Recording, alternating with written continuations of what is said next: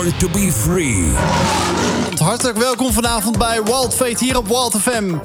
Wij zitten hier weer live in de studio en wij hebben er heel veel zin in vanavond om weer een uh, heerlijke uh, ja, avond ervan te maken. Helaas, helaas moet ik dat vanavond nog één keer uh, alleen doen, want volgende week is Marije er gelukkig weer gezellig om aan te schuiven en ja, dat toch samen te doen. Want samen radio maken, dat is toch wel erg belangrijk. Want ja, dat is toch wel een onderdeel van, van het geheel van ons samen. Hè? Joost en Marije, nou het alleen maar Joost op die aankondiging Volg je ons nou nog niet? En uh, ja, dan weet je ook vanavond niet wie er vanavond hier is aangeschoven. Maar uh, het nummer van uh, Retain sprak over broken vessels, gebroken, gebrokenheid. Nou, als er iemand iets gebroken heeft... dan is het wel de man die vanavond hier vanavond aan aangeschoven is bij Wild Fate. En ja, deze man die heeft veel praatjes, die heeft veel meegemaakt. En ja, die heeft ook veel te vertellen vanavond. Dus ik ben heel benieuwd hoe vol deze avond wel niet gaat zitten van uh, eh, 8 tot 10. Wil je nou uh, wat vragen vanavond aan onze studiogast... of je wil gewoon uh, laten weten waar jij vanavond Wild Fate luistert... dan kan dat via 0639392050. 0639392050. En ja, wij zijn ook heel benieuwd waar jij luistert. Ik ben hier, ik heb wat zomerse gospels meegenomen vanavond. De allerbeste natuurlijk die we hier in de Randstad draaien en ver daarbuiten. Want ook online zijn wij natuurlijk gewoon te luisteren... waar dan ook ter wereld. Vanavond heb ik niemand minder dan Edward Althoff in mijn uitzending. Hij heeft eh, een klein stukje moeten rijden vanuit het, uh, het oosten van het land. En hij heeft dat goed doorstaan. Welkom uh, Edward vanavond. Dankjewel, hallo. Leuk dat je er bent uh, hier. Dankjewel. heb je er een beetje zin in? Zeker, zeker. Ja. Goed zo. Nou, volgens mij heb jij voldoende stof meegenomen... om de komende twee uur wel te vullen met ja, wel jouw heel bijzondere achtergrond. waarvan ik al zei, ja, er is vast wel eens iets wat gebroken als, als kickboxer. Ja, ik heb wel een keer uh, mijn rib gebroken gehad. Zo, dat blijkt wel een heel zeer uh, Nog iets steeds te zijn, soms uh, last van hoor. Oké, ja. oké. En de neus? Ja, die is niet gebroken geweest, maar wel heel flexibel geworden. Oh, dus, oké. ja, ja, dat heb je net al even net voor de uitzending eventjes getoond. Ja. Maar ja, ik ben heel benieuwd waar jij ons vanavond aan in mee gaat nemen. En jouw verhaal over ja, jouw geloofsleven en wat voor dingen dat allemaal betekend heeft in jouw leven. Hoe een ommekeer dat geweest is. ja, misschien kent iemand wel uh, Robbie Hageman. Die uh, man die heeft meegedaan aan Kamp van Koningsbrugge. Ook een, een, een kickboxer. En die vertelde ook veelvuldig zijn verhaal tijdens, tijdens, de, tijdens de televisieuitzendingen. Dus ik ben ook heel benieuwd waar jij vanavond de luisteraars mee gaat verrassen. Wij beginnen onze uitzendingen zoals altijd ook over ons geluksmomentje. Nou, voor mij was het niet zo heel moeilijk deze week. Want gisteren is mijn ja, dochter, mijn oudste dochter... die heeft de tienerjaren achter, achter zich gelaten. En ze is een twintiger geworden. Misschien met een beetje weemoed, maar ze had een fantastische dag. Want we hebben veel geprobeerd om er in het zonnetje te zetten. Een verjaardag te vieren, want dat hoort erbij. En ik ben heel benieuwd eh, wat jouw geluksmomentje van eh, deze afgelopen week... of vandaag, of misschien nog wel de komende dagen is, uh, Edward. Ja, is toch dat mijn zoontje ook vakantie heeft... en dat het gewoon als gezin leuke dingen doet. En dat ik ja, lekker veel met mijn zoontje kan doen. Daar, daar geniet ik van. En dat is dus een, een extraatje, want normaal gesproken schiet dat er wel een beetje bij in, of niet? Ja, normaal ja, dan gaat hij weer naar school en dan is hij moe. En nu ben je gewoon de hele dag lekker met elkaar. En dat vind ik, vind ik fijn. En heb je nog een hoogtepunt van een van die uitjes of dingetjes... die je heel leuk vond om te doen? Ja, we zijn uh, verleden week naar Warner Brothers Movie World geweest. En dat was natuurlijk echt heel erg leuk. Ik zag die uh, Spongebob en de Turtles. En dat vond hij helemaal, helemaal leuk. En heeft hij het nog steeds over shows. Hè? Stuntmannen zijn daar. Dus dat heeft heel veel indruk gemaakt. En uh, nog in een spectaculaire attractie geweest? Ja, we zijn in... in ja, van, hoe heet zo'n ding? zo'n boomstam die keihard naar beneden gaat in het water. Ja, ja die, die ging echt hoog. Dus dat was wel, was wel mooi. En het was heel warm, dus we werden ook nat. Dus dat was ook fijn. ja. Kijk, kijk, dat is, uh, heeft zo zijn... Uh, elk nadeel heeft zijn voordeel, zeggen we dan maar. Dat zegt een bekende voetbalcoach, heeft dat ook wel vaker gezegd. Ik introduceerde hem al, dat hij al wat rake klappen heeft gehad. Hij vertelde ook dat hij ja, in zijn kickbox-avontuur wat hij al heeft in zijn leven... Eh, ja, onder andere een rib gebroken heeft. Zijn neus nog niet. Nou, terwijl hij me wel liet zien in, het, zou zeggen, in het begin van het programma... toen we startten, dat zijn neus niet helemaal meer recht staat, zou ik maar zeggen. Maar ehm, welkom nogmaals, Eduard, vanavond. Dank je. Leuk dat je er bent. Ja. Ik ben uh, heel benieuwd, uh, ja, eigenlijk een beetje naar, uh, naar een stukje ja, verleden van je. Over, ja, zou ik maar zeggen, hoe we nu hier vanavond ook weer bij elkaar zitten. Hoe dat gekomen is, zou ik maar zeggen. En nou, een van die eerste vragen is ik wel altijd benieuwd naar ben. Van, ja, kan je ons even meenemen naar je jeugd? Wat voor gezin kom je? Uh, waar ben je opgegroeid? Uh, ja, en ik, ik ben natuurlijk net als de luisteraar altijd heel erg nieuwsgierig... die misschien wel wil meepraten via de studio WhatsApp 0639392050. Uh, ja, hoe je eigenlijk met... ja, of hoe je eigenlijk met iemand van het geloof in aanraking bent gekomen. Maar neem ons eerst eens even terug naar een stukje ja, geschiedenis van jou. Ja, ja, ik uh, kom uh, uit uh, Doesburg. Daar ben ik opgegroeid. ja, eigenlijk in een ongelovig gezin. we geloofden wel dat er natuurlijk meer was tussen hemel en aarde. Maar dat kon ja, bewijzen van alles zijn. Dus ik was altijd wel op die manier heel spiritueel. Wat niet achteraf heel handig was. Maar goed, ik wist niet beter. En op een gegeven moment ja, is, had ik een... Uh, en is nog steeds uh, de enigste jongen van de basisschool waar ik mee omga. Uh, Jeremy heet die jongen. En die was gelovig. En daar thuis gebeurde er ja, wel dingen met geloof. En die moeder die was eigenlijk opgegeven. Die had een, een hartoperatie gehad. En had koorts gekregen, dus ze zou eigenlijk doodgaan. Maar toen, hebben, toen, toen ja, he, heeft zijn vader... ik dacht opwekkingmuziek in, in haar oor gedaan... En toen heeft ze ja, Jezus gezien. Dus ik zat daar een keer op de Sega te spelen. En toen vertelde ze dit verhaal zo tegen mij. En dat ze zich liet dopen. Ja, ik, uh, ja. mijn opa en oma waren wel gelovig. Maar die ging, ik ging dan wel eens mee naar de kerk. Maar verder was dat niet echt levend geloof of zo. Dus ik had zoiets van, ja, de moeder van Jeremy zegt het, het zal wel. En toen heb ik mijn eerste Bijbel van haar gekregen. En die ging ik wel eens lezen. En nou, uh, op dat moment wist ik niet dat het heel bijzonder was. Maar natuurlijk achteraf wel. En zo zijn nog heel veel dingen in mijn leven gebeurd. Heel veel ook uh, ja, spirituele dingen, zoektocht geweest. En uiteindelijk, uh, toen ik een burn-out had, kwam ik iemand tegen op straat. En, uh, oh, je gaat wel heel erg ja, snel. Heel ik, snel ja, je gaat veel te grote stappen. Okay. Even over dat spiritueel zijn, ja. wat je thuis van thuis uit meegekregen hebt. Hoe, hoe komt dat ja, naar voren of tot uiting dan, zou ik maar zeggen? Hoe kwam, hoe kwam dat? Hoe, wat, wat is spiritueel zijn? Ja, ja, mijn oma die was klinisch dood geweest ooit. Ja. Uh, en uh, ja, die heeft toen een stem gehoord. Uh, ze heet Trien. Dus van, ja, Trien, ja, het is jouw tijd niet, je gaat terug. En dat, daar vertelde mijn moeder dan over. dat maakt natuurlijk heel veel indruk op je. En dat je wel weet, wow, er is echt meer. Nou ja, ja, vrienden die bepaalde geloofsaanhangen hebben. En ik was altijd daar wel toch wel nieuwsgierig naar. Dus ik wilde wel meer weten. En hoe, hoe, hoe kwam dat dan dat je, dat, meer, dat je daar meer van wilde weten? Ja, nou achteraf weet ik gewoon dat, dat, dat de schepper, dat God van mensen houdt. En dat hij echt zijn best doet om iedereen te bereiken.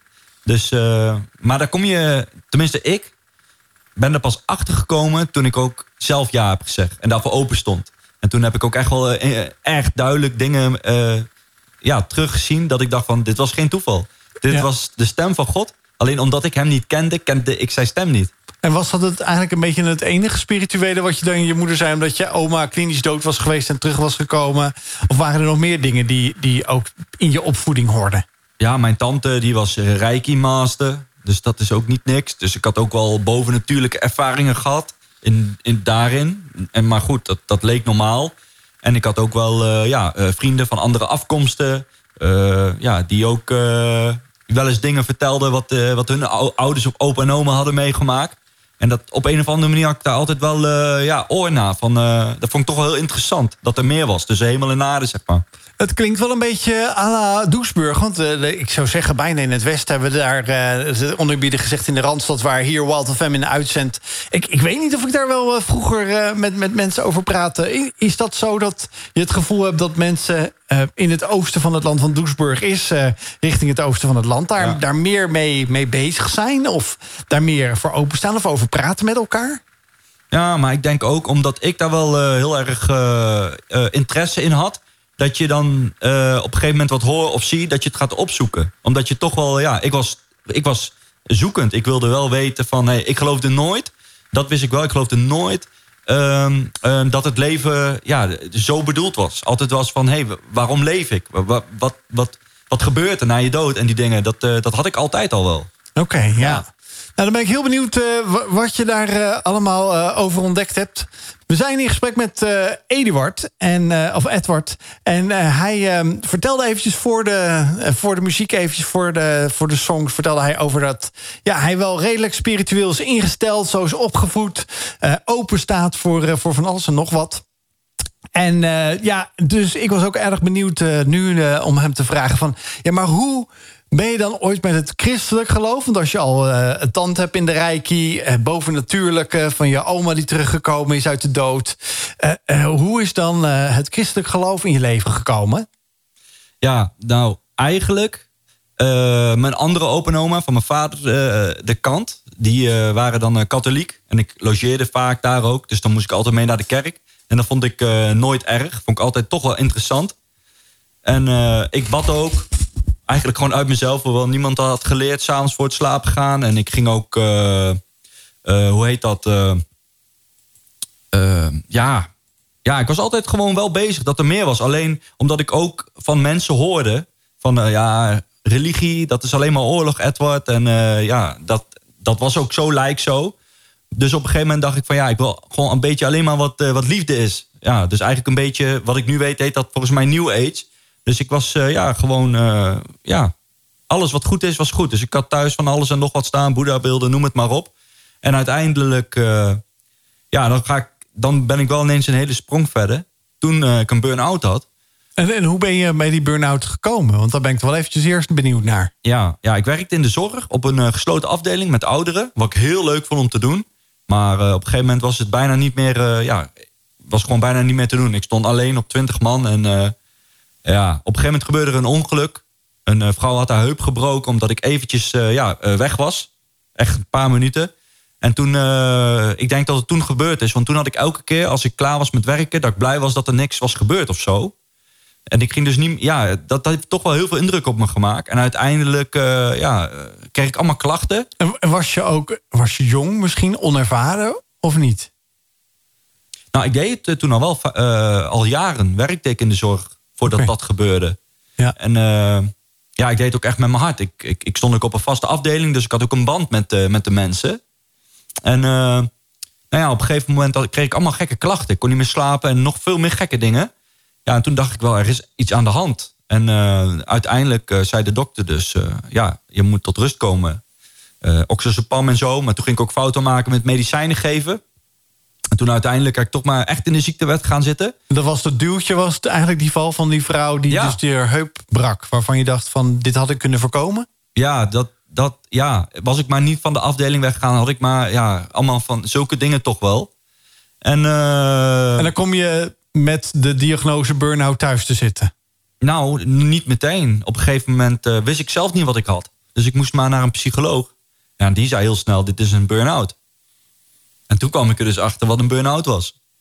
En hoe, eh, hoe ben je daarmee omgegaan? Eh, dan krijg je die diagnose, hè, zou ik zeggen. Of je krijgt dat, dat, plakkertje op je voorhoofd, burn-out. Je hoort wel vaker mensen zeggen, ja, afgebrand. Ik noem hem even een lucifer. Eh, denk eraan die, die afgefikt is. En dan? Wat, wat, wat gaat er dan door je hoofd? Ja, ik was heel boos. Op een gegeven moment. Niet meteen, maar wel op een gegeven moment heel boos op de maatschappij. Heb ik hier dan mijn diploma's voor gehaald. En uh, nou, ik was heel boos. Dus ik ging ook een beetje veranderen. Want uh, ja, ik wilde niet meer uh, mezelf zijn. Ik was heel boos op mezelf ook. En ik wist niet meer wie ik was, wat ik wilde. Ja, en op een gegeven moment... ja, ging ik me nog meer verliezen ook in het sport en zo. Want burn-out is meestal wel van dat je voorlopig even niet kan... eigenlijk niet op het werk moet verschijnen. Nee, klopt. Ik kon ook. Nee, ik, ik, ik had ook last van uh, paniekaanvallen. Die dingen. Ineens, alles kwam eruit toen ik me overgaf. Heel apart was dat. Eerst had ik uh, vechtlust, vecht ik er tegen, ik wou doorgaan. En toen dat allemaal gebeurde, gebeurde voelde ik me echt uh, ja, toch wel vernederd, gebroken, boos. zelfmedelijden, ik weet niet wat ik allemaal voelde. Ja, ja. Je, je, hebt het net, je zegt net ook even van... ja, ik verloor me gelijk in het sporten. Maar ik neem aan dat je niet gelijk begon te sporten. Maar dat je misschien dat de psycholoog of de hulpverleners zeiden van... nou, dat moet je zo aanpakken. Um, nee, ik sportte al. Je sportte daarvoor al lekker fanatiek. Ja, en daar haalde ik nog wel mijn vreugde uit. En een stukje doel van de dag. Ja, en dat is wel heel belangrijk. Hè? Als je een burn-out hebt, dat je leuke dingen doet. Ja, dat werd me ook geadviseerd. Dus dat ja, dus eh, ik ging nog meer... eh, Sporten. ja, eigenlijk wel. Oké. En had je nog meer dingen dan die je leuk vond op dat moment? Of eigenlijk niet direct eh, voorhanden? Nee, eigenlijk niet. Dus het was vooral zeven dagen in de week sporten. Ja, en op een gegeven moment ging ik ook... eh, toen het heel slecht met me ging, ging ik ook domme dingen doen. Ging dus eh, veel drinken, blowen, roken. Oké. Was ik allemaal eh, eigenlijk tegen. En, en hoe, kom je, hoe kom je dan op zo'n punt dat je, dat je denkt van ik ga blowen en roken? Hoe, wa- waar kwam dat dan? Je zegt ja, op den duur. Is dat dan eenzaamheid? Is het pijn? Is het iets wat je wil wegdrukken? Ik weet niet of het eenzaamheid was. Misschien wel, maar dat weet ik niet zeker. Maar wel gewoon boos, rebels. Eh, je gaat met eh, vrienden eh, om die dat allemaal doen. En ja, lijken alsof zij een leuk leven hebben. Dan denk je, nou ga ik ook, ook maar doen. En vrienden, dus dan houdt het eigenlijk in dat. Want ik, ik moet heel eerlijk zeggen, ik heb ook vrienden, maar ik heb nooit mijn vrienden gehad die ook bloden. Ja, drinken doet iedereen wel een biertje en een wijntje. Soms misschien net iets te veel. Maar ja, ik vind blowen, vind ik al, eh, of drugsgebruik neem ik aan, eh, dat, dat dat alweer een stapje verder is. Ja, ja maar ja, ik, had wel, ik heb wel echt zulke vriendenkringen. Maar normaal deed ik ook nooit mee. Maar op een gegeven moment wel. Ja. En daar ben je een keer beland omdat eh, er een feestje was en toen werd dat gebruikt of zo. Nee, ik had eigenlijk. eh, ik ben altijd wel iemand geweest eh, die met iedereen omgaat. En ik had ook wel vrienden die wel echt harddrugs gebruikten. Maar dan deed ik ook nooit mee. Of ik had vrienden die zeiden: ja, we gaan naar Arnhem, we gaan naar prostituees. Maar dan deed ik ook nooit mee. Maar ja, ik had wel zulke vrienden. Ja. En, maar dan heb je toch een keer ben je overstag gegaan dat je denkt, ja, ach, wat maakt het uit? Ja, dat was dus die frustratie en die boosheid. Ik was zo boos de wereld, want ik deed altijd mijn best, eigenlijk. Om Ja. een goed mens te zijn, om eh, ja, trouw te zijn. En ineens wilde ik dat niet meer doen, omdat ik... Ja, ik kan het moeilijk uitleggen. Ja. Ik was gewoon echt teleurgesteld in het leven. En toen kwam je met die burn-out thuis te zitten. Maar toen kwam er ook een ommekeer in. Ja, Ondanks alle frustraties, boosheid, drugsgebruik, elke dag sporten, ja, kwam er toch een ommekeer. ja. Ja, dat is echt, eh, ja, dat is echt Jezus. Want eh, op een gegeven moment vroeg een meisje... die ik gewoon kende van hoi en doei... uit het niets, geloof jij eh, in Jezus? En ik zei, ja, dat ik geloof wel in hem. Maar ik geloof in van alles. Ja, en, en je zet uit het niets. Dus die kwam je een keer in de portiek tegen, of op straat, of in de, in de kroeg of zo. Of Nou, waar kwam je haar tegen? Het was op een gegeven moment zo slecht met mij gegaan... dat ik letterlijk alles kapot wilde maken... omdat ik niet het lef had om meteen opnieuw te beginnen. Dus ik denk, als ik alles kapot maak... dan moet ik wel opnieuw beginnen. En dus ik had een hele lange relatie... die heb ik moedwillig kapot gemaakt. Ik heb echt alles kapot gemaakt... waardoor ik op een gegeven moment niks meer had... en bij gewoon een goede vriendin eh, even in mocht trekken. En daar heb ik een paar maanden gewoond... En dat meisje die kwam daar dan eh, wel eens op de koffie. Dus van zo je en doe je kenden we elkaar. Oké, toen kwam ze een keer op de koffie of toen, toen wilde ze een keer... En toen vroeg ze dat aan jou. Ja, eigenlijk wel. Maar het was toen we ergens heen gingen fietsen. Dus het gebeurde op de fiets. Ja, Ja, nou, dat is wel heel bijzonder dat je zelfs dat ook nog herinnert. Hè? Dat Ja. iemand je vraagt van, eh, ken je Jezus? Nou, ik ben heel benieuwd eh, wat toen eh, jouw eerste reactie was. Fem, ik ben in gesprek met Edward Althoff over ja, zijn bijzondere reis... hoe hij Jezus heeft leren kennen. En hij vertelde net eigenlijk dat iemand uit het niets... ehm, ja, eigenlijk iemand die die een beetje kende op de fiets zei... maar ken je Jezus eigenlijk wel? En dat eigenlijk dat Edward, eh, Edward zijn, eh, eh, zijn leven helemaal een ommekeer heeft gegeven. Want wat gebeurde er toen op die fiets? ja ik zei eigenlijk, ja, ik geloof in Jezus. Maar ik wist niet, ehm, laat ik het zo zeggen, ik geloofde in van alles en nog wat. Dus zij vroeg toen aan mij meteen, ja, maar ik ga zondags altijd naar een kerk, wil je mee? Ja, ik dacht, waarom niet? Ik ben wel eens vaker naar een kerk geweest en ik vind een kerk een hele mooie plek. Dus ik zei, is goed. Maar toen ik dus meeging naar die kerk, toen brak ik. Toen moest ik zo erg huilen. Ja, wacht even, dat was Ja. al gelijk onderweg op die fiets? Of Nee. eh, was dat een paar dagen later? Ja, was die zondag in de kerk. en, keek, en keek je daar een beetje naar uit? Of dacht je van, oh ja, dat is waar. Dat had ik er ook nog afgesproken die dag. Nee, ik keek er wel naar uit. Oké. Ja, want ik, ik vind, eh, ja, ik, ik, ik- wat ik zei, ik was altijd spiritueel. Dus ik, eh, ik stond daar gewoon wel voor open. Ja. Ja, en ik had ook zeker wel wat nodig in mijn leven op dat moment. En dan eh, staat ze daar eh, om eh, half tien of zo om je op te halen? Of ben je er zelf heen gereden? En je hebben daar elkaar ontmoet? Ja, ze kwam me ophalen, ja. Want ik wist niet waar de... Waar de het was in een bioscoop dan, maar ja. Ja. En dan ga je zo zaal binnen en denk je, nou, we, zeggen, we gaan het wel zien.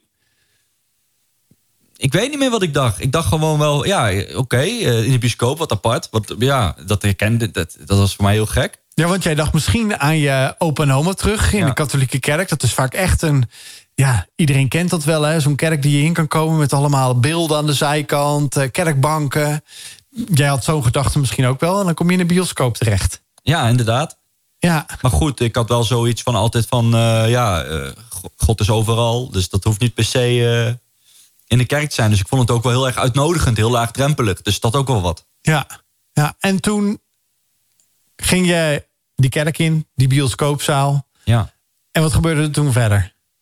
Ja, het was wel. eh, ik zag mensen wel echt op de knieën en zo. En toen dacht ik nog eerst bij mezelf van. eh, wel- ja, voor een beetje wel. eh, ja, apart of zo. Maar op een gegeven moment. ik weet niet meer precies wanneer het gebeurde. Maar toen brak ik. Toen moest ik echt huilen. En ja, daar schaamde ik me voor. Maar gelukkig was het in de bioscoop. Waar het dus best donker was. De stoelen lopen schuin naar beneden. Dus, dus ik vond het eh, wel veilig. En ik vond het ook heel fijn om zo te kunnen huilen. En, en je schaamde je, eigenlijk, Ja, ja. zei je. Maar Ja. waarom, waarom dan? Ja, ik, ik kom echt zeg maar uit de wereld. Echt met, met eh, jongens waar ik mee omging en zo. Toch altijd een beetje presteren, stoer doen. Eh, ja, Mannen huilen niet, zeggen we ja, dan. ja zo'n cultuur zeker. Ja, En, en, dan, en dan, ga je, dan, dan breek je, dan komen die tranen, die kan je niet meer tegenhouden. nee, onmogelijk was dat. Dan gaan er heel veel gedachten door je hoofd. Ja, nou ja. Of had- juist niet. Nee, juist wel. Ik wist meteen, oké, wat hier gebeurt is zo bijzonder. Wat is dit? Wat gebeurt er? Wat fijn. Ik was gewoon, ik voelde echt dat er iets gebeurde. En dat ik echt aan het zoeken was, maar wat gebeurt er nu? Maar wat is dit fijn? Ja, dat. Ja, en dan gebeurt het, de tranen rollen. En wat dan verder? Ja, ik had meteen eh, toen ik eh, naar huis ging, zoiets van: ik moet volgende week weer naar deze plek. En toen ben ik de hele week eh, ja, gaan bidden, praten met God. En daar was je bekend mee, met, met praten met God. Ik, ik bad, ja, achteraf vond ik, vind ik het nu dus heel bijzonder. Ik denk echt al vanaf mijn negende jaar bid ik voor het slapen gaan. Ja, En, wa- en wat, wat heeft je daar... eh, ja, wat heeft dat, waarom doe je dat? Wat, wat heeft je vastgehouden om te bidden voor het slapen gaan? Was het een rustmoment? Of was het dat je denkt, ik kan de dag ja, aan God geven? Hè? Die hoort dat vast? W- wat heeft je dat... ja, interessant dat je dat Ja. vraagt. Dat was echt gewoon een stukje veiligheid. Dat ik ga slapen en dat God over me waakt. Oké. Ja, dat, dat erachter. En dat kan misschien ook wel komen gewoon door- doordat je met die spiritualiteit was of bent opgegroeid.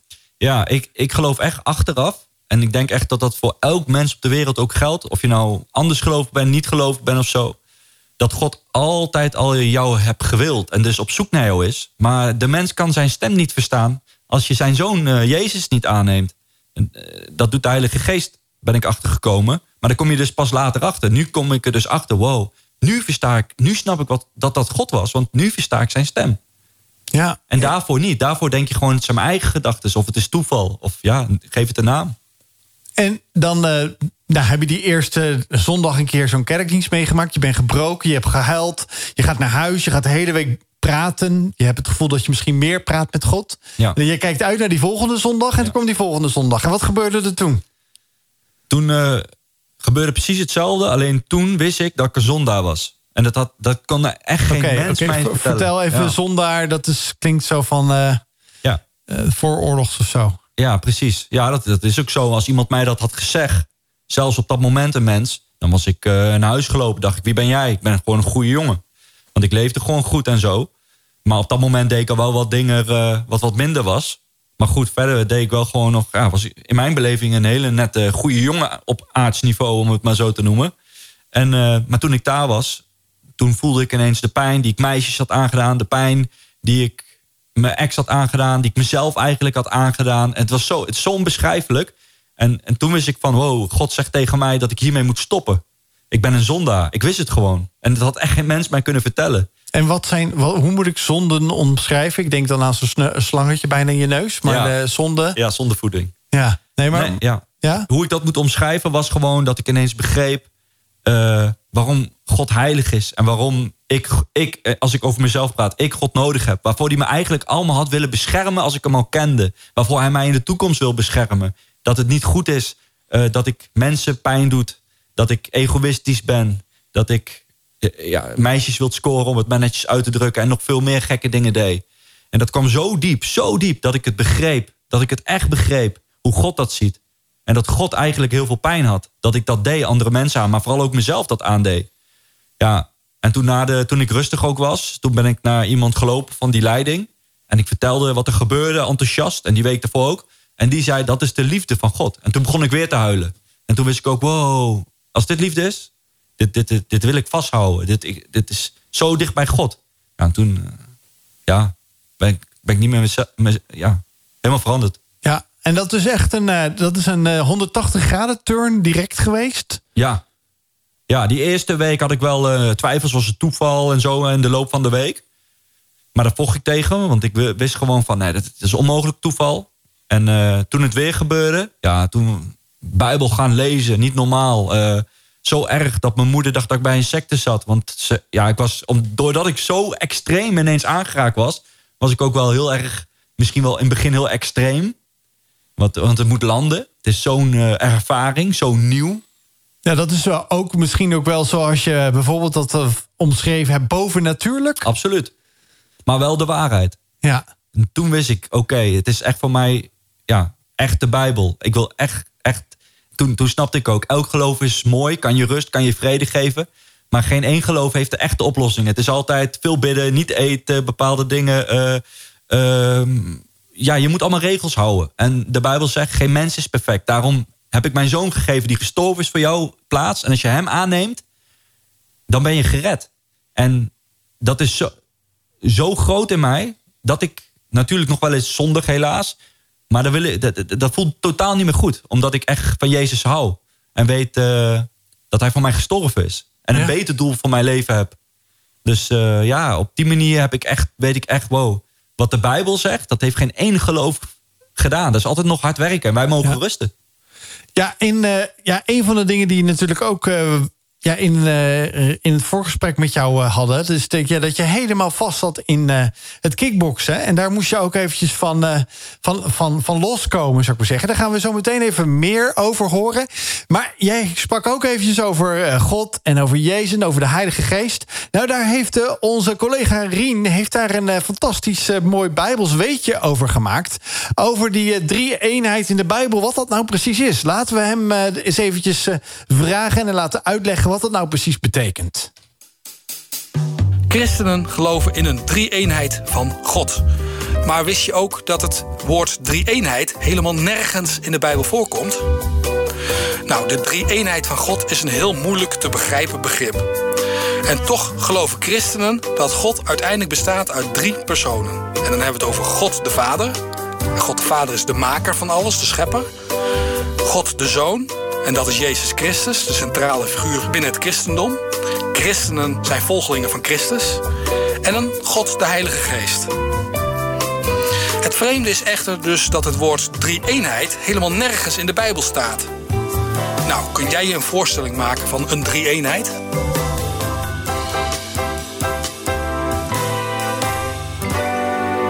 Dit was We the Kingdom met Left It in the Water. Nou, zo uh, is dat ook wel een beetje met Edward... die uh, ja, alles heeft achtergelaten. Want hij kwam erachter dat hij eigenlijk niet zonder God kon. Uh, eigenlijk zonder Jezus kan. Uh, en dat brak hem in de kerk. En dat is niet over één nacht ijs gegaan, want daar is uh, heel lange tijd overheen gegaan. Uh, zelfs een hele week zou ik maar zeggen dat hij eerst echt ging huilen. Nou ja, en dat zeiden we een beetje onderbiedig. Mannen huilen niet. Tegenwoordig is dat veel anders, want het is heel goed om je emoties te tonen. Ook voor mannen, dus dat is helemaal niet erg. dat heeft Edward ook wel een beetje verteld. En dat hij een week later echt zegt van... ik heb zo een bovennatuurlijke ervaring gehad... eigenlijk met Gods liefde door Jezus heen. En toen is bij mij eigenlijk het uh, kwartje gevallen... dat uh, ja, ik mijn leven helemaal moet omgooien. Zo erg dat ik misschien wel een beetje radicaal was in het begin. Maar ik wil nog eventjes teruggrijpen op iets anders, Edward. Jij zat, of je zat, je zit weer terug in de vechtsport... maar je zat ook heel diep in die vechtsport... op het moment dat je ook in die kerk kwam. Ja, ik deed uh, ja, kickboksen. En uh, dat is wel heel erg bijzonder gegaan. Want ik, ik, wist gewoon ineens, God is niet ver weg. Hij heeft een relatie met me. En sinds die dag, sinds die dik acht jaar geleden nu... ja, heb ik gewoon continu eh, ja, dat, dat, dat ik in contact ben met God. Dus ik bid niet drie of vier of vijf. Of, nee, of alleen met het eten. Nee, ik ervaar gewoon 24-7 dat Ja. ik met God kan praten. Dus eh, op een gegeven moment eh, ga ik de kickboxzaal binnen. En ik, ik voel gewoon een stem in mijn hart. Dat was net nadat je gewoon ook de God, eh, ja, Jezus in je leven had eh, aangenomen. Ja, een paar zeggen, hè? maanden later. Ja. Een paar maanden later. Dus ik ging gewoon nog door met kickboksen eerst nog. En ook nog met roken. Bepaalde dingen. Toen ik tot geloof kwam, was ik meteen gestopt met blowen. Ja. Omdat ik wel wist dat is niet oké. En met drinken eigenlijk ook meteen gestopt. Maar een sigaretje roken en eh, ja, andere dingen deed ik nog wel. En eh, toen ik dus de kickboxzaal inkwam, toen voelde ik echt gewoon in mijn hart gewoon, wat ik nog nooit heb eh, over na heb gedacht of wat dan ook. Van waarom betreed je dit met blote voeten? En ik zei ook echt terug zo van, omdat het heilige grond is. En toen schrok ik daar heel erg van. Je was een beetje te- in jezelf aan het praten. Dus. Ik mompelde het volgens mij zelfs hardop, ja. Omdat het zo indruk maakte. Ik voelde gewoon echt een stem. In mijn hart, in mijn hoofd. Ik kan, ja, lastig om uit te leggen. Maar ook echt, daar heb ik nog nooit over nagedacht. Dus ik wist ook van, dit, dit is niet van mezelf. Kun je mij, eh, ik ben een leek in de kickboxwereld, laat staan in de vechtsport. Eh, je, je zegt je betreedt het op blote voeten. Ja. Je komt op een soort van speciale ja, grond, zoals je zelf zegt. Maar, maar is dat ook zo? Hoe zit dat in de sportwereld? Ja, Kun je mij eens meenemen, luisteraar? In principe eh, is het natuurlijk, eh, als je kijkt... de meeste vechtsporten is allemaal wel ontstaan... ook vanuit spiritueel. Eh, ook eh, wedstrijden die je deed met kickboksen onder andere... deed op eh Muay Thai muziek. Sommigen deden zelfs eerst de Waikru daarvoor. En dat heeft echt te maken met afgoden. Met vragen om gestorven krijgers over, over je te waken... of zelfs bezit van je te nemen. Dus levensgevaarlijk eigenlijk. En Zo. Ja, daarop deed ik ook wedstrijden vechten. En is dat ook een van de redenen waarom je dan eh, ja, op blote voeten komt en laat staan knielt of zo? Want dat zie ik ook wel vaker. Ja, ik bedoel, ik kan me best voorstellen. Respect voor de, de meester, de leraar, maar dat hele buigen en zo, is dat, hoort dat daar ook bij?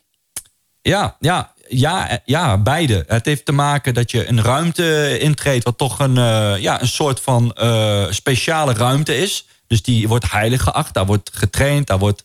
Ja, noem maar op. En in sommige heb je ook echt hè, tempels waar getraind wordt. Dus letterlijk, eh, ja, heel erg best wel eh, heftig eigenlijk. Ja. Als je tot geloof komen en erover nadenkt. Ja. Dus ja, eh, dat heeft allemaal wel bepaalde dingen, ja...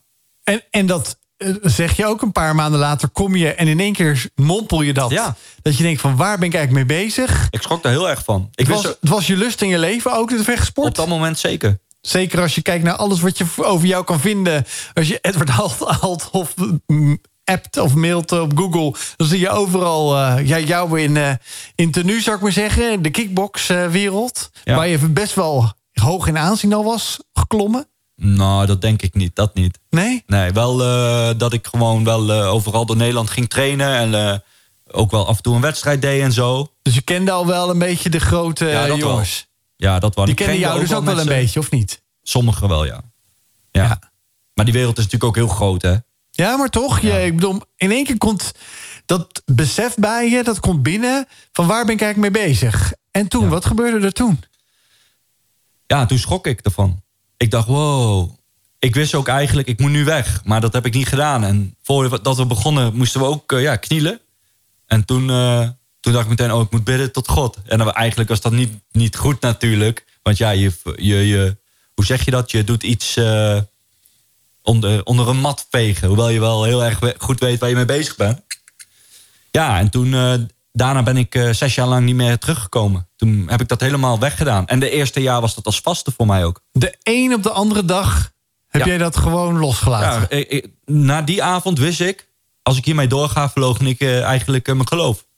Omdat, ik, zeg niet dat het voor iedereen geldt, maar op dat moment gold dat wel voor mij. Voor jou eh, was het Ja. gelijk van dit, eh, dit, dit klopt niet. Nee, dit kwam eh, misschien wel nog steeds boven, boven, boven Jezus.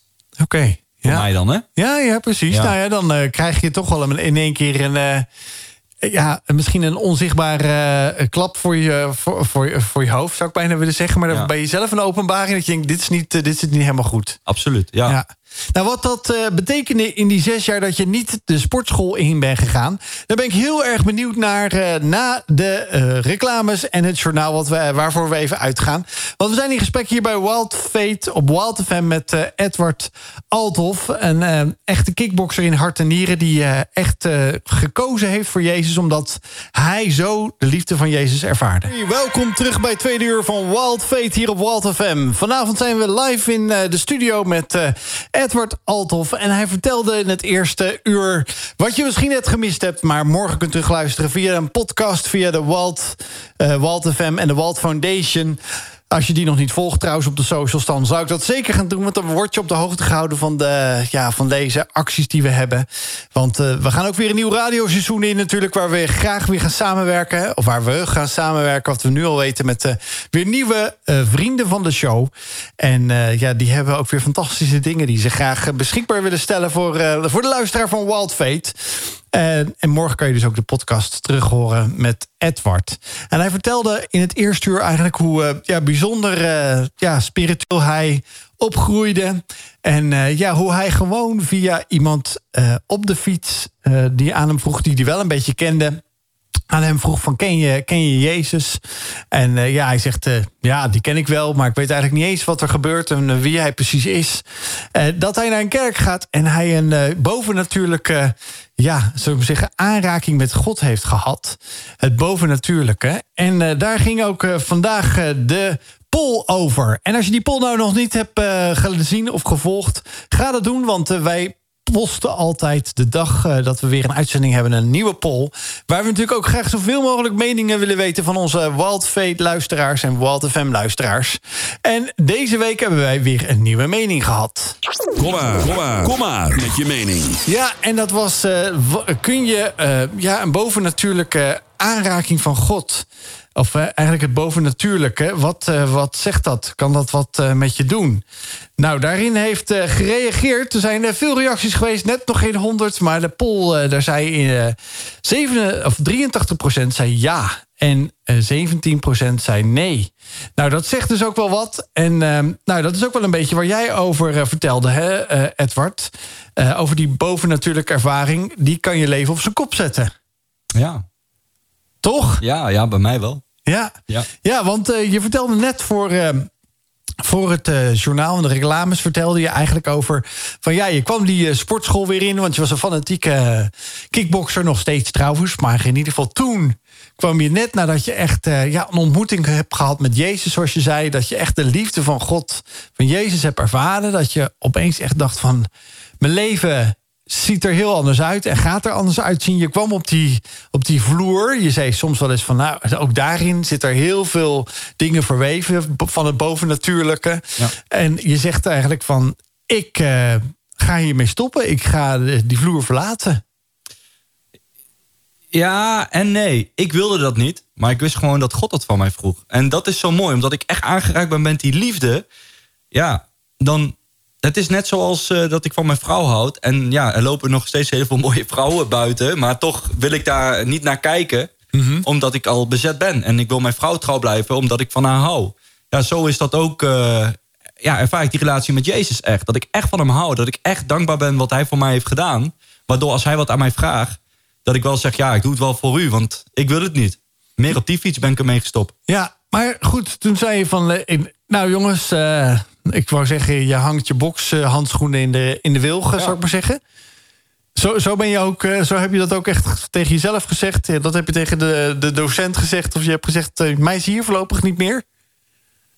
Nou, ik ben niet meer komen opdagen. Oké. En maar op een gegeven moment wist iedereen dat. Ik was zo vol van Jezus, iedereen wist dat. Want ook al in het begin dat ik tot geloof kwam... ging ik al tegen mensen allemaal zeggen...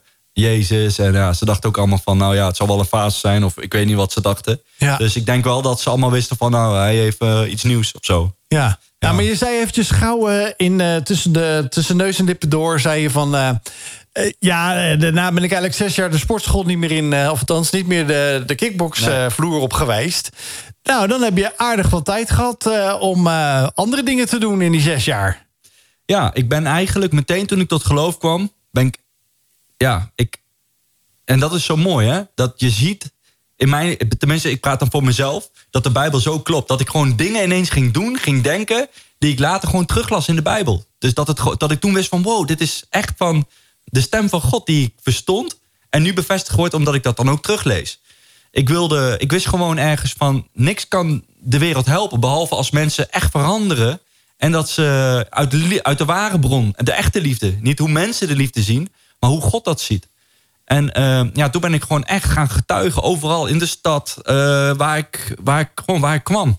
Ja, jij, jij bent even zo makkelijk, zeg je, getuigen. Ja. ja ik denk altijd in de rechtbank hebben we getuigen. Ja. Die uh, moeten de waarheid vertellen. Ja. Nou ja, dat ben je ook gaan doen. Ja. Maar, maar hoe, hoe gaat het dan in zijn werk? Je denkt van, ik, nou, je hebt die bokshandschoenen, inderdaad, die kickboxhandschoenen heb je in de, uh, nou ja, die heb je in de wil gegangen. En de volgende dag zeg je van, nou, ik ga de, de, de city in en ik ga gewoon uh, zomaar eventjes iemand aanklampen. Dat deed ik eigenlijk al. Meteen toen ik tot geloof kwam, ja, was ik zo uh, radicaal dat mijn moeder op een gegeven moment wel zei van, ja, beter dat we mij even afstand bewaren, want waar jij nu in bent beland, vind ik doodeng. Oké. Uiteindelijk kwam mijn moeder daarop terug, omdat ze wel zag van, dit is niet eng. Nee. Maar ik was zo radicaal veranderd dat uh, ja, mensen die dachten wel van, uh, huh? dat.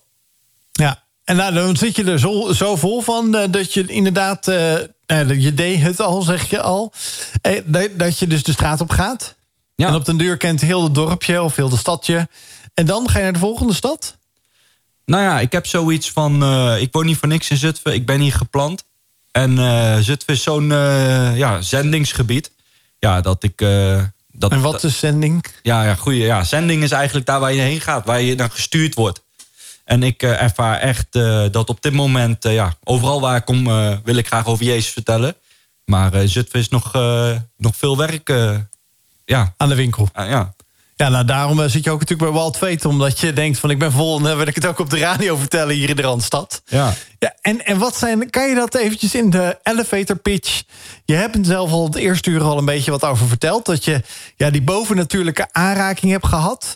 Daar was je even vol van. Die elevator pitch is, uh, zo moet ik zeggen, je gaat van de eerste naar de dertigste verdieping. Je hebt 30 seconden.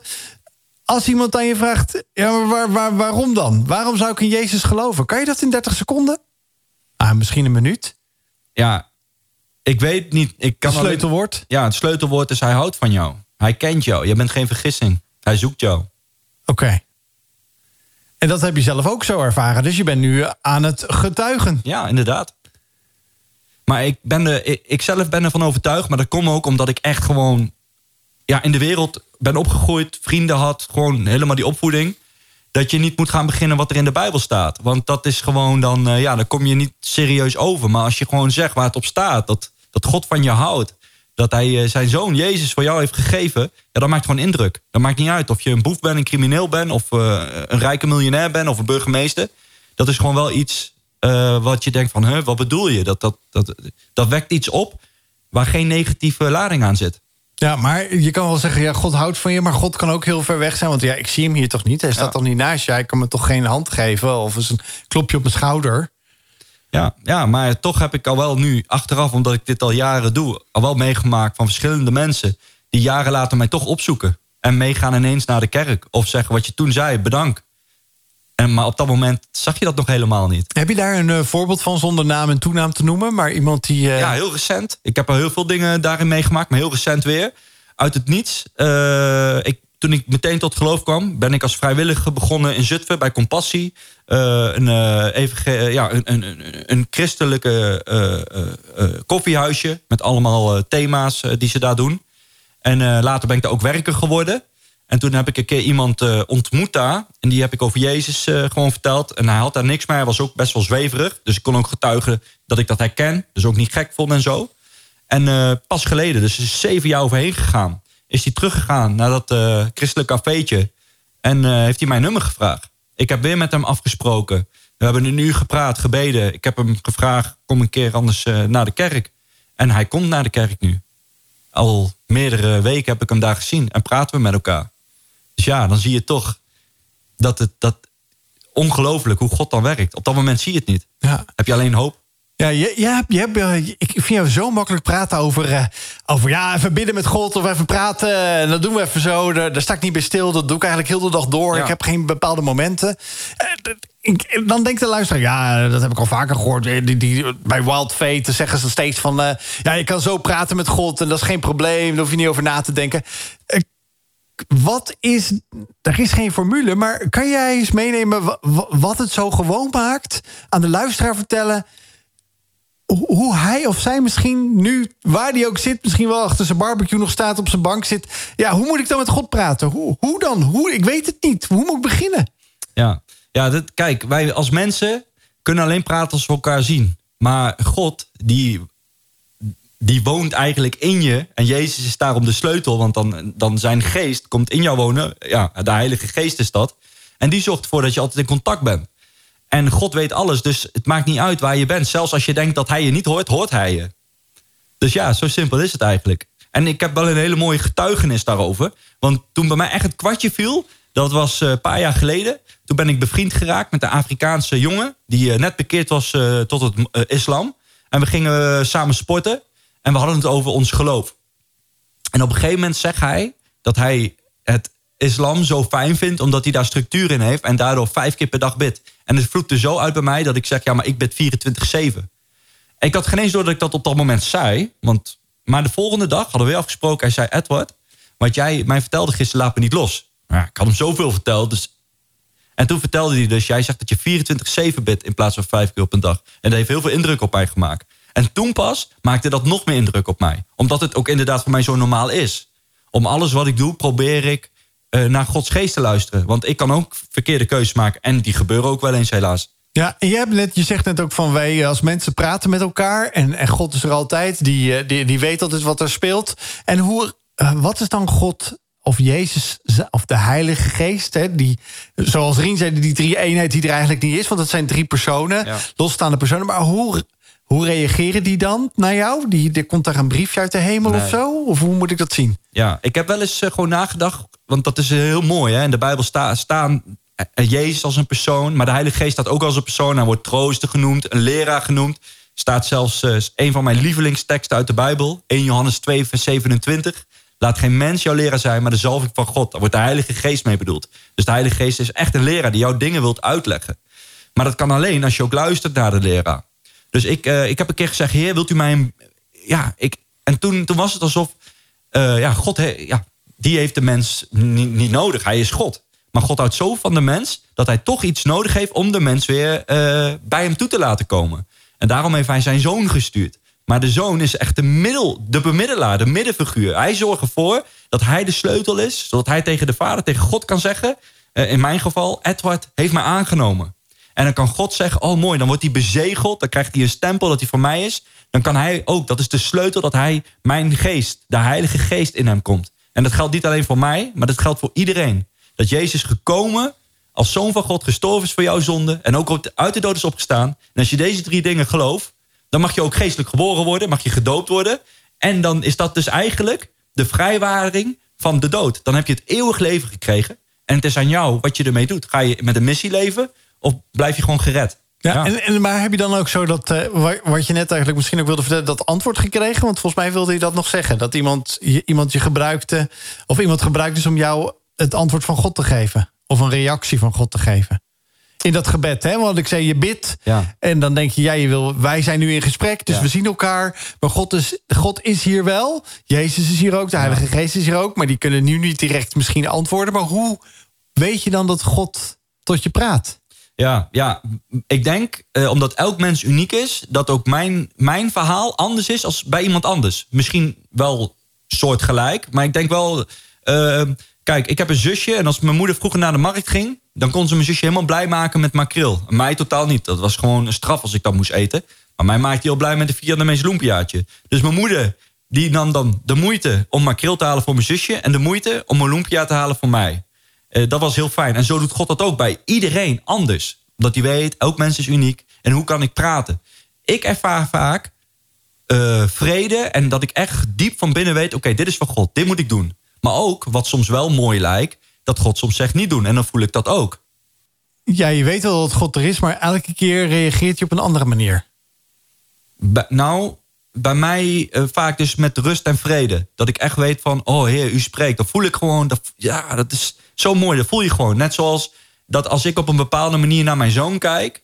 dan kunnen mensen eh, die mij niet kennen niet weten wat ik bedoel. Maar mijn zoon weet wat ik bedoel. Omdat hij die goedkeuring of misschien die afkeuring ziet in mijn blik. Ja, ja dat is dus eigenlijk eh, een mooi voorbeeld wat je ook hebt genoemd van je zusje. Ja. Van je zus toen de tijd vroeger en voor jou. En zo spreekt God ook voor iedereen op een andere manier. Ja, dat denk ik. Het is eh, heel makkelijk gezegd, maar dat, eh, ja, die vrijheid die heeft eh, Edward ondertussen ook gekregen. En hij zegt, ja, ik wil gewoon, gewoon vertellen iedereen dat Jezus van hem of haar houdt. Dat maakt niet uit wie je bent, wat je doet, waar je gezeten hebt. Maar dat die liefde er altijd is, onvoorwaardelijk. En dat is heel bijzonder hoe je daar gewoon... ja, zo, zo bijzonder door je eigen bovennatuurlijke ervaring... die je met God hebt gehad, eh, die vrijheid hebt gekregen. Heb je dat enige. Ben je enige reflectie voor jezelf wel eens door? Hoe, hoe makkelijk je er nu over praat? Of misschien je praat er altijd wel een beetje makkelijk over het bovennatuurlijke, maar het spirituele. Maar dat dat nu helemaal je dagelijks leven vult? Ja, ja. Soms, soms weet je gewoon waarvoor je bedoeld bent of zo. En dat wist ik nooit. En sinds ik eh, Jezus heb gevonden, is dat, is dat voor mij heel duidelijk. Ik wil heel graag de mensen bereiken om over Jezus te vertellen. En eh, als ik mag spreken, soms ook in kerken, wil ik heel graag de gelovigen aanvuren. Wat Jezus voor ons heeft gedaan en hoe heilig de Bijbel is. En dat het heel belangrijk is om, om, om, om, ja, om niet eh, een lauw christen te zijn, maar om, om, om, om een vurige christen te zijn. Gewoon. In, in de liefde en in de woord en in de daad. Dat dat eigenlijk de enige oplossing is. Ja, ik geloof niet eh, dat politiek ons gaat helpen. Ik denk echt Jezus alleen. Maar het is toch een dagelijkse levensstijl, toch gewoon? Ja, absoluut. Maar niet voor iedereen. Ik ken ook eh, wel mensen ja, die eh, dan toch wel dingen moeilijk vinden in het leven. En door het geloof dingen wordt afgepakt, waardoor ze het geloof weglaten. Ja, dan eh, denk ik, ja, weet je, dat is de makkelijke weg. Maar de Bijbel zegt zelfs, in, ja, in, dat staat dan in de Bijbel in Jacobus hoofdstuk 1, eh, vers 2. Als er dan moeilijkheden op je weg komen, wees dan blij. En dat staat er niet voor niks. En die mensen die je tegenkomt met, met dat soort verhalen... van ja, ik, geloofde eerst, maar, voor mij hoeft het niet meer... of eh, nou ja, het ken nog net op een zondag en dan houdt het verder mee op. Wat, wat, wat, wat- hoe probeer je ze niet per definitie te overtuigen? Want dat hoeft eigenlijk niet meer, want ze weten wel dat er wat is. Maar, maar dat je ze dan nou ja, probeert terug te brengen... of eh, weer probeert aan te vuren, wat doe je dan? Ja, ik zeg van, eh, nou ja, dit is jouw weg. Maar weet, als je eenmaal de liefde van Jezus hebt geproefd... dat je echt wel weer terugkomt en weet dat je gewoon weer welkom bent. Ja, de verloren zoon. Staat niet voor niks in de Bijbel. Het kan iedereen overkomen. Ja. Juist eh, als, je, als, je, als je een christen bent, is er ook een, een, een, een- ja, een vijand, zegt de Bijbel. En die wil roven en stelen. Ja. Ja, nou over die Bijbel gesproken, eh, eh, Edward. Het is de hoogste tijd voor de tijdmachine. Dus ja, we gaan eens eventjes de boel eh, openzetten. En eh, de knop drukken, zeggen we dan altijd maar hier weer in de studio. We, we openen de deur eh, naar, naar, de, ja, naar, de, naar, naar, naar de tijdmachine op dit moment. En we gaan eens eventjes met jou naar, naar een tijdsperiode in de Bijbel... waarvan jij nou zegt van, eh, die vind ik interessant om dat verhaal over te vertellen. ja, dat is dan in het Oude Testament. In Richter 6 over eh, Gideon. Nou, dan gaan we eens eventjes eh, terugtellen... en dan gaan we eventjes eh, naar Richter 6 over het verhaal van Gideon. En eh, nou, we gaan nu eh, terugtellen. En eh, naar die tijd terug, het Oude Testament... dat is echt wel honderden, misschien wel duizenden jaren geleden... naar het verhaal van Richter 6. Nou, neem ons eens even mee. Ja, We stappen nu uit, Edward. ja. En waar zijn we aangekomen? Ja, we zijn in Israël en op dat moment wordt Israël overmand door gevaarlijke tegenstanders, de Midianieten. En eh, ja, eh, eh, Gideon is eigenlijk een, ja, een beetje toch wel een onzeker iemand, misschien wel bang. En die gaat ergens stiekem eh, brood eh, kapot, weet ik veel wat hij precies doet. Maar dat doet hij stiekem. En er komt ineens een engel en die spreekt hem aan met dappere held. Hij staat daar alleen. En hij doet eigenlijk iets stiekem, zodat het niet afgepakt wordt of gezien wordt. Eh, ik denk dat hij dat doet omdat hij eh, ja, toch wel bang is. En, eh, en dan zegt hij, "Huh, ik? Ja, jij. En God heeft zijn oog laten vallen dus op iemand die een angsthaas is, niet dapper is, een laag zelfbeeld heeft. En uiteindelijk wordt hij zo getraind door God. Hij moet dingen doen. Ehm, en hij is onzeker. Hij vraagt God om bevestiging. En God geeft die bevestiging. En uiteindelijk wordt hij een groot generaal. En verslaat hij de Midianieten met maar 300 man. En daarin zie je dus dat elk mens die zich laat trainen door God... een groot generaal kan worden. Dit was Mighty Fortress van Rijer. Nou ja, als er iemand uh, ja, zo'n uh, machtige generaal was... en die misschien wel Fort, uh, Fort heeft ingenomen... dan was het wel Gideon. Want daarover vertelde Edward in het tijdmachine-itempje... het Bijbelse tijdmachine-itempje... over dat hij dit verhaal zo bijzonder vindt. En ja, hij, eigenlijk heeft hij het antwoord al een beetje gegeven... maar toch is dit iets wat op je hart ligt... om over te vertellen over deze bijzondere man uit de Bijbel? Ja, mij valt op uh, bepaalde dingen in het verhaal van Gideon. Kijk, je moet de Bijbel helemaal kennen, dus het is wel lastig. Maar wij worden uh, ja, uh, klei genoemd, vaten genoemd. En de Heilige Geest wordt ook een, een, vuur wel eens genoemd. En dan zie je op het laatst ook dat hij een handeling moet doen... die uiteindelijk hem de overwinning geeft over die gigantische legermacht van de Medianieten. En hij moet dus een, eh, een, een kruik van klei kapot slaan... en daarin zit een fakkel van vuur. Ja, voor mij betekent dat wanneer jij bereid bent om jouw vlees uh, te kruisigen... met andere woorden kapot te maken, aan Jezus te geven... en aan God te geven, dan komt het vuur zichtbaar van God. En dat kan alleen door een training, dat gaat niet in één dag. Ook als je in God gaat geloven, heb je te kampen met jezelf... en moet je willen veranderen. En uh, nou, als iemand dat heeft laten zien dat dat mogelijk is... vind ik Gideon dat. Van ja, eh, ja eh, toch wel een bangerik naar een, naar een, naar een held. Ja, dappere, dappere held, hè? Ja, dappere held. Ja, ja.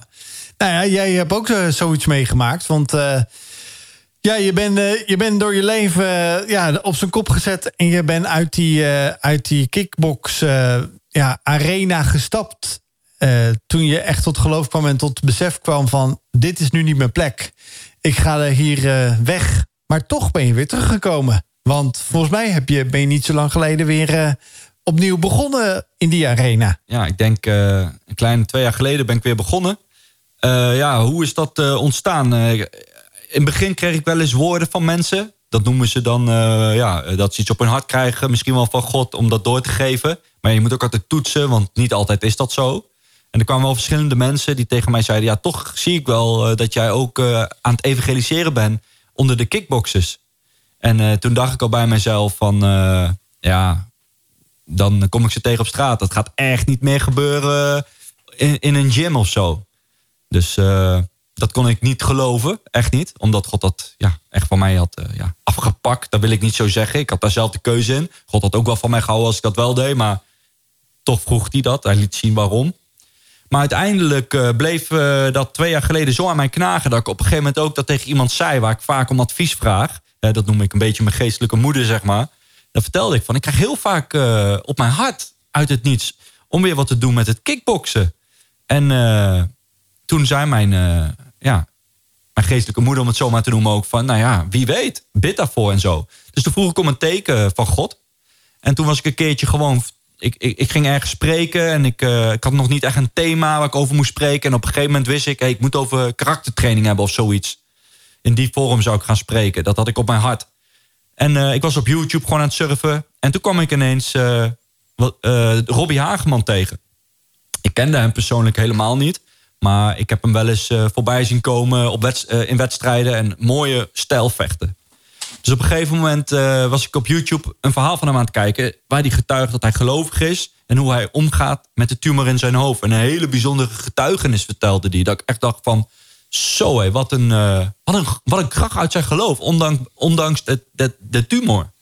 Toen heb ik via Facebook hem gewoon een berichtje gestuurd. Zeg uh, wie ik ben, dat ik binnenkort ga spreken. En of ik een stukje hem mocht meenemen in een getuigenis over karaktervorming. Want het maakte indruk, uh, dat stukje wat ik zag op YouTube. Nou, en vanuit daar hebben we ineens een hele mooie contact gekregen. En ik zag dat als teken van God. En uiteindelijk ben ik bevriend geraakt met Robbie. Uh, noem het allemaal maar op. En uh, ja, maar toen ik dat dus wilde oppakken... Nou, toen ben ik maar gewoon naar een gym gegaan. Heb ik me daar ingeschreven.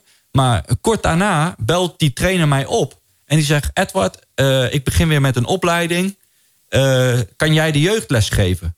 Ja, dat was zo bijzonder. Ook allemaal zo kort daarna dacht ik van nou. En ik voelde, wat ik net al getuigde, dat dat van God was. Dus ik zei meteen ja. En vanuit daar ben ik ineens, ja, gaan allerlei deuren voor mij open. Ook binnen de kickboxwereld. En dat kan alleen God. En ook daarin heb ik al heel veel mensen het evangelie kunnen vertellen. Het goede nieuws via de, combi, via de, de, de kickboxmat. Juist, ja. En hoe gaat het dan aan in zijn werk? Ben je dan eventjes al boksend, eh, ben je eventjes wat aan het vertellen over God? Nou ja, ik, ik, ik, ik vertel wel altijd tegen hun, niet elke les, maar wel af en toe vertel ik... jongens, we gaan niet knielen met beginnen. Want uh, we, ik kniel alleen voor God, dus daarom staan we gewoon voordat we beginnen. En ook een keer uh, een andere jongen, dat was een Turkse jongen... die vroeg aan mij, Edward, uh, vroeger deden we bij de volgende trainer... het begin op de knieën, waarom doe jij dat er niet? En toen zei ik tegen hem, ja, we bidden alleen voor God. En dat vond hij heel mooi. Toen zei hij ook van, nou, wauw, weet je wel. Dus ik probeer wel mensen daar inderdaad een stukje godsbesef mee te, mee te geven. En het gebeurt wel eens dat ze dan naar mij toe komen en vragen hoe ik bepaalde dingen zie. Ja. En nou ja, er zijn wel eens jongens gekomen, gewoon naar mijn, naar, naar, naar, als ik ergens ging preken of naar Outreach Zutphen wat ik heb opgezet. Ja, dus heel bijzonder hoe dat dan organisch werkt. En uh, dat is natuurlijk wel heel re revolutionair... dat uh, je niet uh, buigt of niet gaat knielen in, de in de kickboxwereld. Of, of moet ik dat anders zien? Um, of is, mag je daar een beetje dat zelf bepalen? Of dat wel nee, of niet nodig is? Je moet altijd wel luisteren bijvoorbeeld naar de trainer. Maar ook, ik heb ook gezegd aan de persoon die mij dus inhuurt... van nou, ik ben gelovig, ik kan op die avond kan ik niet. De zondag kom ik niet, want dan heb ik geestelijke training nodig. Ik probeer dat ook wel uh, niet uh, uh, met moeilijke woorden te vertellen en ook wel leuk. Dus ze kunnen het ook echt hebben van mij. Ze begrijpen dat. Ze hebben daar respect voor. Of ze nou wel geloven of niet, niet geloven. En ik heb ook gezegd van als ik hier les geef... wil ik niet dat ze gaan knielen. Omdat dat alleen God toekomt. En dat begrijpen ze ook. Mooi. Dus ja, daar heb ik wel. ja, ik merk, ja, maar dat, dat zie ik ook van een gunst van God gewoon. Dat, dat er dan begrip is. Ja. ja. En ja, dat contact met, met Robbie. Want Robbie is twee keer wereldkampioen kickboksen. Ja, hij is tweevoudig wereldkampioen kickboksen. Grote toernooien heeft hij gewonnen. Op grote toernooien gestaan. Ja, is een bekend, hij is een hele bekende naam in de kickboxwereld. Ja, en je, en je zit even zo te surfen over YouTube of over de filmpjes... en dan in één keer kom je zo'n filmpje tegen. Dat is wel heel bijzonder dan, toch? Precies, ook dat, ja. En toen wist ik helemaal niet dat hij gelovig was. Alleen op YouTube zag ik dus geloven. Ik dacht, oh, wat grappig, kijken. En dan maakte zo'n indruk op mij... dat ik dus contact met hem heb opgezocht, ja. Ja, en dan uh, reageert hij ook nog. Dus dan ja zijn het toch allemaal mooie zegeningen. Ja, precies. En dat, dat, was voor mij ook wel uh, wat ik nodig had om zeker te weten dat ik weer het kickboksen mocht oppakken. Oké, ja, ja dat, daar, wilde wel zeker, daar wilde je wel zekerheid ja, over anders had ik het niet gedaan. Ik wist het al wel, maar ja, ik, ik kon het niet geloven. Maar zo zie je maar dat God soms jou eerst gaat trainen ook... om bepaalde dingen weer te kunnen oppakken... om je daar te kunnen gebruiken. Zo ervaar ik dat. Ja, en dat is mooi dat uh, het Ademproject... zo'n mooi lied uh, heeft ge geschreven en gemaakt over richting. Dit was Richting van Ademproject. Nou, dat past natuurlijk fantastisch in ja, hoe Edward ook ervaren heeft... dat hij weer terug moest die kickboxwereld in... naar aanleiding van gewoon een aantal ja, bijzonderheden... bijzondere dingen die gebeurden op zijn pad om na te denken van waar moet ik nu heen? Wat ga ik weer doen? Zo belt iemand weer op. Er komen allerlei puzzelstukjes bij elkaar. Dat is misschien ook wel dat antwoord van God, hoe hij reageert. Want je zei net al van... Uh, ja, mijn moeder die kocht voor mijn zusje vroeger altijd makreel... voor mij een lumpiaatje. Nou, en dan krijg je op de andere manieren... krijg je dan het weer ja, toegeworpen bijna door God. Dat hij zoveel van je houdt en voor je zorgt en het beste voor je heeft. Dat je weer die kickboxwereld in bent gegaan. Ja, ja. en uh, nu uh, is kickboksen niet meer voor mij, maar ik sta daar voor de mensen. Dat is ook wel interessant om te zeggen, want ik heb ook uh, jongens die kan ik echt van, van de straat afhouden. Dus dan heb ik ook, ja, daar heb ik dan gevoeligheid voor dat ik ze niet meteen over Jezus vertelt. Of misschien komen ze er zelf al achter. Maar dat ik gewoon zeg, hé, hey, kom eens eventjes lekker trainen. Dat is beter voor je dan op straat te hangen. Dus het is ook echt maatschappelijk zie ik dat dat heel veel uh, in een mensenleven kan veranderen bij de jeugd. Een stukje sport, ja. Ja, want daar, ben je, daar hou je ook mee bezig. Hè? Gewoon, uh, ja, je zei net al wel van ik loop gewoon lekker op straat, want dat is maar aan de andere kant mijn andere baan. Ja. Uh, bezig zijn met de, de, het geestelijke of het sociale welzijn. En de andere is het, de andere is het hoe heet het? Het eh, het fysieke welzijn, hè, de, de, de, de mentale welzijn en het, en het geestelijke. Dat is een bijzondere combinatie die je dan hebt. Ja, nou ja, alles moet in balans zijn. God heeft ons ook een lichaam gegeven waar we goed voor moeten zorgen om gezond te kunnen blijven. En ja, we hebben ook een, een, een, ja, een ziel waar onze karakter, emoties, onze vrije wil in zitten. En daar zal God nooit aankomen. Dan mogen we, mogen we zelf ook af en toe ja, lekker ontspannen en leuke dingen doen. En het geestelijke leven is ook heel belangrijk. Dat is hè, met God bezig zijn. Alles moet gewoon in balans zijn. Anders kan je ook een burn-out krijgen waar ik ook last van heb gehad. Maar je hebt dan wel uh, mooi ontdekt wat voor jou de ultieme combinatie is. Want je doet dat uh, ja, je, van beide doe je wat. Ja, maar toch moet je wel in balans blijven. En dat is soms voor mij, althans soms nog... Ja, kan zomaar weer erin sluipen dat je of te veel geestelijk bezig bent... of te veel lichamelijk bezig bent. Ja. ja. En ik heb ook wel een beetje begrepen dat je hip-hop wel erg leuk vindt. Of ja. daar wat mee doet. Ik hou van allerlei soorten muziek. Ja. Maar heeft hip-hop daar nog iets bijzonders in? Want dat heb ik ergens gelezen. Um, nou, niet heel zo, speciaal. Wat ineens zo oppopt bij mij. Nee? Nee. Wat, wat, heeft, wat heb je gelezen dan? Ja, er stond iets over dat, dat je iets met hip-hop muziek zei. Maar dat zei je misschien even tijdens de muziek. Dat je zei van. Ik heb een keer. Ik gebruik ook uh, nou, gospelmuziek. Zoals we hier op Wild Fate, op Wild FM ook draaien. Uh, dat ook mensen die niet geloven opeens meezingen. Oh, zo. Ja, ik heb wel eens meegemaakt dat ik inderdaad een christelijke hip-hop CD. Uh, ik weet niet meer van wie dat was. en dat op een gegeven moment werd de hele tijd herhaald van It's the Holy Ghost. En dat gewoon een jongen ineens ook dat zat te roepen. En dat vond ik natuurlijk heel erg grappig en leuk. Dat ik echt dacht, ja, hij zit gewoon... Volgens mij uh, is het een anders gelovig iemand... en hij zit nou mee te, te rappen met een christelijk nummer. En uh, dan hebben mensen soms wel eens zo'n training achter de rug. En dan hebben ze misschien ook wel eens een beetje vragen over. Inderdaad, wat je zei. Van uh, ik heb het besproken. Er is respect voor dat ik, uh, dat ik niet kniel op de, op de mat. Of dat we geen buigingen maken. Ja. dat heb ik ook uitgelegd. Daar was helemaal respect voor. wordt daar ook na, na de training ook wel eens over doorgepraat? Waarom je dat dan doet? Voor mensen die misschien voor het eerst komen. Die ergens, vandaan, ergens anders vandaan komen. Die komen dan naar jouw les. En die denken, huh, wat raar dat dat hier niet gebeurt. Ik denk wel dat mensen zijn die dat vaak denken. Maar ik heb wel letterlijk één keer meegemaakt... dat een uh, Turks jongen naar mij toe kwam en zei... hey, bij de volgende trainen begon het op de knieën. Waarom doe jij dat niet? Toen zei ik, we knielen alleen voor God. En toen zei hij ook uh, inshallah, wat dus betekent in het Arabisch... Uh, als God dat wilt, volgens mij betekent dat. Dus dat vond hij heel mooi, ja. dat ik dat deed.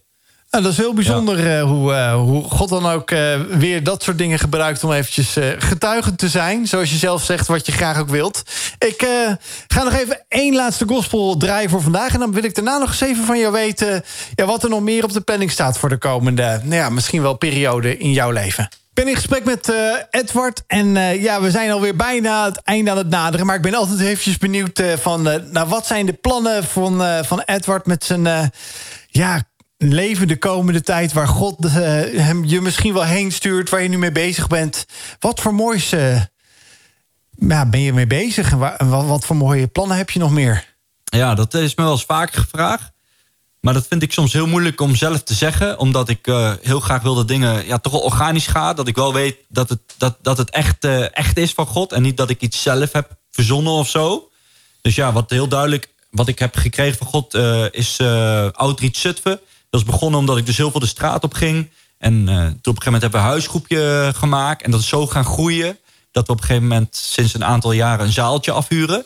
En daar uh, op uh, expres door de week, op een donderdagavond nu tegenwoordig, om de week, houden we daar kleine samenkomsten.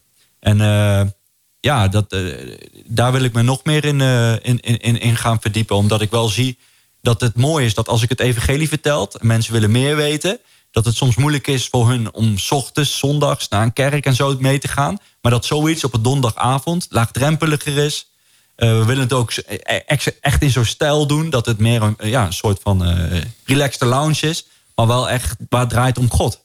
En waar, waar kunnen mensen meer uh, informatie vinden? Is het aankomende donderdag bijvoorbeeld ook? Of is het vanwege vakantie nu eventjes te... Ja. Jij hebt vakantie, zei je net al een beetje. Is het dan in de rust? Ja, en, maand augustus uh, niet. Maar vanaf 1 september uh, weer. En dan om de week. En ja, ik heb een website. outreachzutphen.nl En daar kunnen mensen zien of het doorgaat, wat het adres is? Ja, telefoonnummer staat er van mij. Dus ja. Ja, en, maar, maar ergens Kijk, je, je zegt heel mooi van je wacht. Ja, ook wel, je wil God de richting laten geven. Maar heb je ergens wel een droom?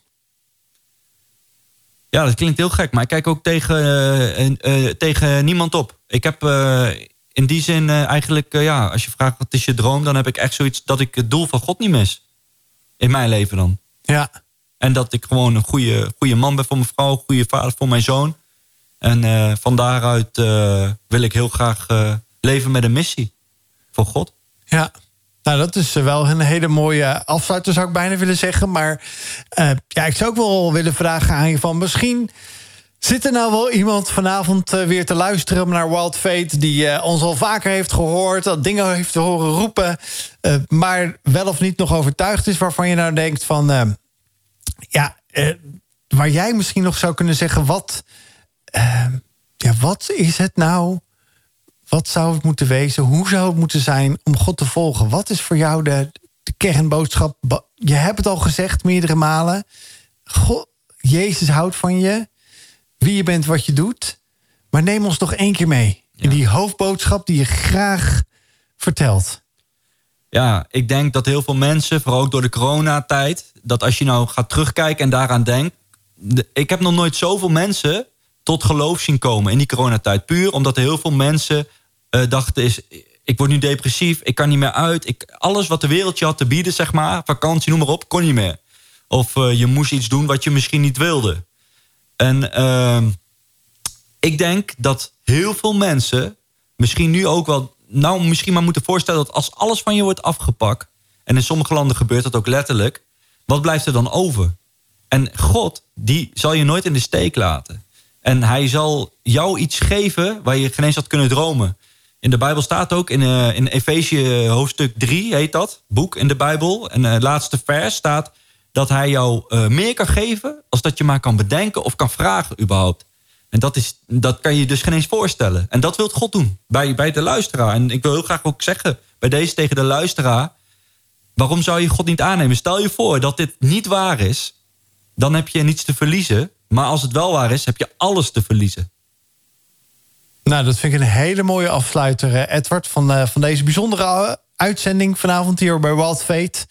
Hier op Wild FM met jou samen. Bedankt dat je ja, ons hebt aangevuurd vanavond... en dat het ja, eigenlijk kennelijk heel eenvoudig is... ook voor de luisteraar, ook wat, wat Edward zegt. Wat heb je te verliezen? Uh, maak die keuze of uh, denk erover na. Volgende week zijn we er gewoon weer met Walt Fate. Met weer een fantastisch verhaal. Dan hebben we een hele goede muzikant hier uh, in ons midden. Marike en Marije is er ook weer gezellig bij. En nou, we zijn heel benieuwd ook wat je deze week weer te wachten staat. En wij hopen volgende week je weer, ja, dat je weer luistert naar ons, naar Wild Fate hier op Walt FM. En ik zeg graag tot volgende week.